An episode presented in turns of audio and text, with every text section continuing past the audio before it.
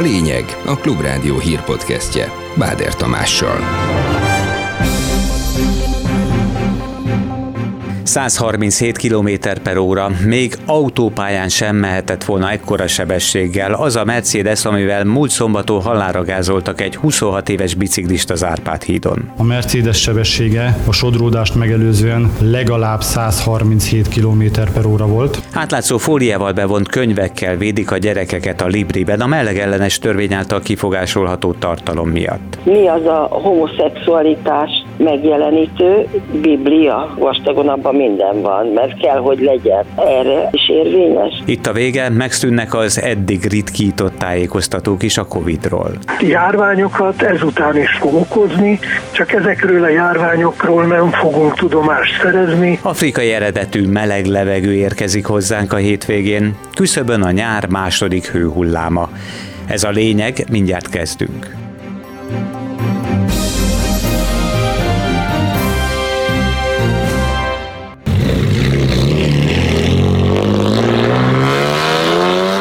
Legalább 137 km per órával száguldott az a Mercedes, amivel halára gázolták a biciklistát az Árpád hídon múlt szombaton. Előtte a jármű egy spontán versenyben vett részt. Ez és egy BMW, meg még egy harmadik jármű a rendőrpalota melletti Teve utcai kereszteződésnél kezdett el gyorsulni.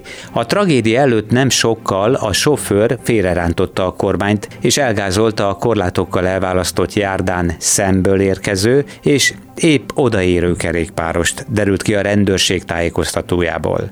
Az áldozat két végtagja leszakadt, később belehalt sérüléseibe. A gázoló 33 éves férfi eddig kórházban volt, de ma előállították és kezdeményezték a letartóztatását. A hatósági vizsgálaton a kocsikon nem találtak műszaki hibát, de a Mercedes menet stabilizátora ki volt kapcsolva. Balog Ádám a BRFK közlekedésrendészeti főosztály vezetője. A szakértői vélemény szerint a Mercedes sebessége a sodródást megelőzően legalább 137 km per óra volt. Megállapította továbbá a szakvélemény, hogy egyik gépjármű sem rendelkezett műszaki hibával, ugyanakkor a Mercedesnek az úgynevezett menet stabilizátora kikapcsolt állapotban volt. Nem csak idei, jövő évi költségvetése is van már az országnak. A parlament az elmúlt években is a nyári hónapokban fogadta el mindig a következő esztendőre vonatkozó törvényjavaslatot, amit aztán rendre módosított is a szükséges számban. Ezúttal a kormány azzal számol, hogy jövőre a gazdasági növekedést 4% az infláció 6% a GDP arányos hiánycél pedig az elvárt 3% alatt 2,9% os lesz. Emellett mind mindössze 220 milliárd forintnyi tartalékkal kalkulálnak.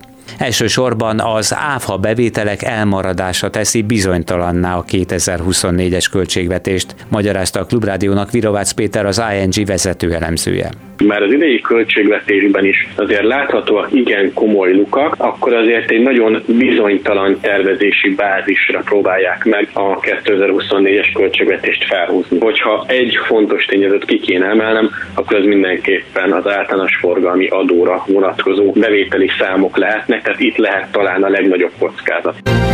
A kormánynak van döntése, vállalása, az év végére az infláció Magyarországon egy számjegyű lesz. Egymás után hozzuk azokat az... Ugyan első hallásra még nagyon soknak hangzik a 20,1%-os júniusi éves infláció, de a csökkenés üteme az elemzőket nem lepte meg. A KNH banknál már a kormányzati kommunikációnál jóval korábban mondogatták, hogy meg lehet az év végére az egy számjegyű infláció, amit most ők novemberre várnak, mondja német Dávid. A vezető elemző a nyár végére ősz elejére számít jelentősebb zuhanásra havonta nagyjából ilyen másfél-két százalék ponttal tud most csökkenni az infláció, és utána lesz majd egy-két olyan hónap, amikor ennél nagyobb lesz, különösen a szeptemberi hónap, ahol akár 4 százalék pontos esés is bekövetkezhet az inflációban. Ez annak tudható be, hogy tavaly szeptemberben érvényesítették például az energiaáraknál az emelést, illetve ez egy másik nagyobb csökkenés decemberben is, amikor pedig az üzemanyagok esetében törölték el az ársapkát.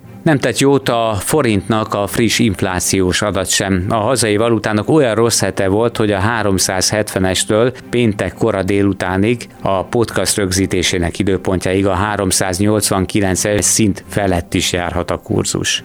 A portfólió elemzője rövid távon inkább korrekciót, vagyis a forint némi erősödését várja majd, de az őszi hónapokban már komoly esély lesz a 400-as euróra, véli Beke Károly a nagyjából két hete látott 370 körüli euró árfolyamot azt egy jó időre elfelejthetjük. Egy 400-as euró az elképzelhető? Rövid távon azt gondolom, hogy nem. Nagyobb a valószínűsége, hogy mondjuk a jövő héten egy korrekciót látunk. Középtávon mondjuk az őszi hónapokra előre tekintve szerintem a legfontosabb kérdés az az lesz majd, hogy a költségvetést sikerül el rendbe tenni a kormánynak, illetve mi lesz az Európai Uniós források sorsa. Hogyha ezzel a két kérdéssel kapcsolatban negatív fejlemények eredmények jönnének, akkor mondjuk az őszi hónapokban én azt gondolom, hogy nem kizárt egy 400-as euró árfolyam sem.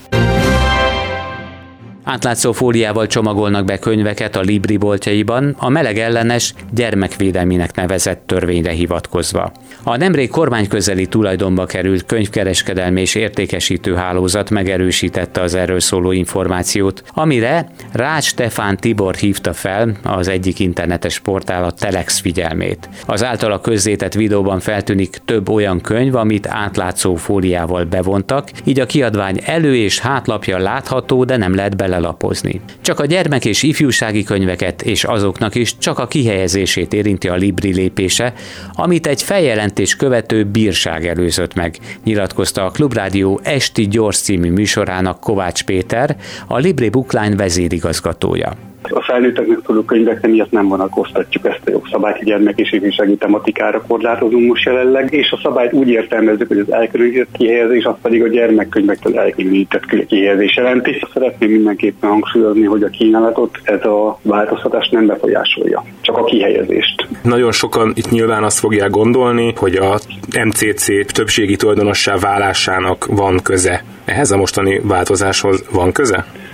Hát ezt abszolút cáfolom, az égvilágon semmi köze nincsen hozzá. Ezt a törvényt nagyon nehéz betartani és értelmezni, de lehetséges, hogy a Bibliától a világirodalom és a magyar szépirodalom jelentős részéig le kellene fóliázni a könyveket, illetve az iskolák, templomok közelében még árulni sem lenne szabad ilyesmit. Erről a Magyar Könyvkiadók és Könyvterjesztők Egyesületének elnöke Gál Katalin beszélt ugye a kereskedőt büntetik, tehát egyrészt proaktivitásra kényszerítik, kereskedő-kiadó kapcsolatnak nem nagyon használ, meg egyáltalán nem használ általában az emberi kapcsolatoknak ez a bárki bármikor feljelenthet. A másik probléma az, hogy meghatározni vajon, hogy melyek azok a könyvek, amelyik öncélúan jeleníti meg a szexualitást, de most akkor ezt a definíciót kellene értelmezni, nem kaptunk rá választ. Mi az a homoszexualitás megjelenítő, de ez abban végződik, hogy ilyen könyv egyáltalán nem árusítható templomtól, gyermekintézményektől 200 méterre lévő boltban.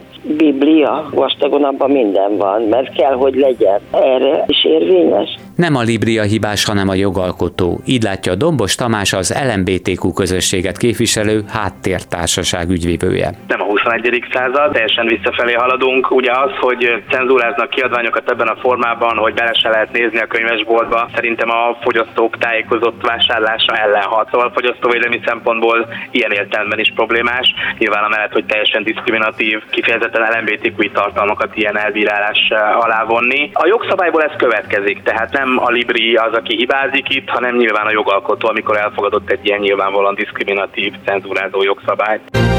Tudjuk jól, hogy a piciknél van valamiféle ragaszkodás, és itt nem csak a cumikra gondolok, hanem kis pelenkára, vagy a nyunyókára, amit ő otthonról... Nem volt olyan régen, de már a szinte feledésbe merültek Müller Cecilia legendás napi tájékoztatói a Covid idején. Ahogy a járvány hullámok mentek, úgy ritkultak az adatközlések. A koronavírus sajtóközpont pedig mostanra teljesen megszünteti immár a heti összesítéseket is. Azt azért megjegyezték közleményükben, hogy ettől függetlenül még kérhetik az oltást az arra jogosultak. Covid járványok ezután is lesznek, de azokról nem fogunk tudni, mert olyan enyhe megbetegedést okoznak. Sumázta a helyzetet a Klubrádiónak Duda Ernő virológus. ez a vírus, ez a járvány, ez nem fog visszajönni. Szép lassan ez a, az új koronavírus besimult a korábban ismert négy humán koronavírus közé, amelyek náthás betegséget okoznak, de nagyon súlyos komplikációkat nem. Járványokat ezután is fog okozni, csak ezekről a járványokról nem fogunk tudomást szerezni. Már több mint 4 millió ukrán állampolgár kapott ideiglenes védelmi státuszt az EU-ban, közölte az Európai Unió statisztikai hivatala. A legtöbben több mint 1 millió 111 ezeren Németországban, de majdnem ilyen sokan 991 ezeren Lengyelországban juthattak ilyen jogálláshoz. A harmadik a sorban Csehország lett 340 ezres számmal, még Magyarország tizedennyi 31.480 esetben biztosította ezt az ukrajnai menekültek számára. Már tíz halottja van a nyugat-ukrajnai Lemberget ért csütörtöki orosz rakétatámadásnak közölték a helyi hatóságok. Az újabb áldozatra péntek reggel bukkantak az orosz rakét által megrongált lakóház romjai között. A mentési munkákat közben befejezték. A támadásban romba dőltek egy nagy lakóháztömb felső emeletei, és összesen 35 épület rongálódott meg. A halottakon kívül 42 sérültről szóltak még a beszámolók.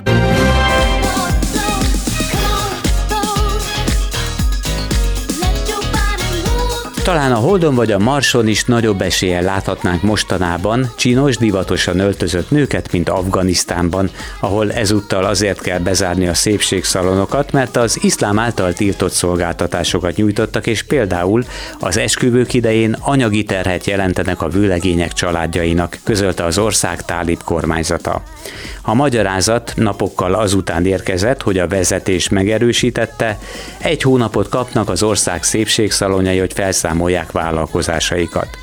Egy videóban az afgán bűnmegelőzési és erkölcsügyi minisztérium szóvivője olyan szolgáltatásokról beszélt, amelyek ellentétesek az iszlámmal. Ide sorolta a szemöldökformázást, más emberek hajának felhasználását egy nő természetes hajának dúsításához, valamint a smink alkalmazását, mert ez az ima előtt szükséges mosakodást akadályozza.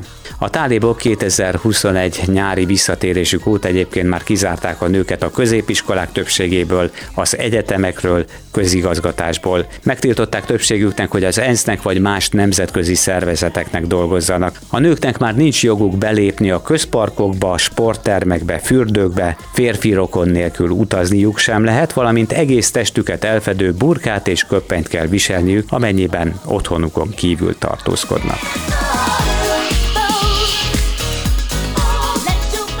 Ugyan ez a dal több évtizedes már, de a tálibokkal Afganisztánnak évszázadokat sikerült visszafele ugrani az időben.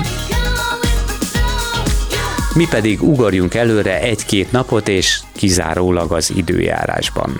Itthon már a hétvége is csapadékmentes lesz az afrikai eredetű száraz levegő érkezése miatt. Vasárnaptól igazi kánikulára kell készülni, ami aztán egészen a jövő hét közepéig kitart, árult el a Klubrádiónak Vaszkó András, az OMS munkatársa. Szárazabb levegő beáramlása kezdődött meg egy anticiklon áramlási rendszerében, ennek köszönhetően a hétvége már teljesen csapadékmentes lesz az országban. Ugyanakkor, ahogy átkerülünk az anticiklon hátoldalára, megkezdődik a nagyon meleg afrikai afrikai eredetű levegő beáramlása is dél-délnyugat felől. Vasárnaptól már lehet számítani 25 fokot elérő meghaladó középhőmérsékletre. Már ekkor kánikula várható 30 fok körüli vagy a fölti csúcsértékkel. Tovább fokozódik a meleg a jövő hét elején. Országos kánikulára helyenként hőségre is lehet számítani. Változás szerdáig nem valószínű, legalábbis kicsi az esélye. Ez volt a lényeg a Klubrádió hírpodcastja, amit a strandokon is lehet hallgatni, vagy bárhol a telefonjukon, hiszen kereshetik minden hétköznap délutánonként 4 és 5 óra között a megszokott podcast lelőhelyeken. A mai műsor elkészítésében segítségemre volt Selmeci János, Kemény Dániel és Petsz István. Elköszön a szerkesztő Báder Tamás. Ez volt a lényeg, a Klubrádió hírpodcastjét hallották. Friss tartalomért keresse az ismert podcast felületeket hétköznaponként, már délután 4 és 5 óra között.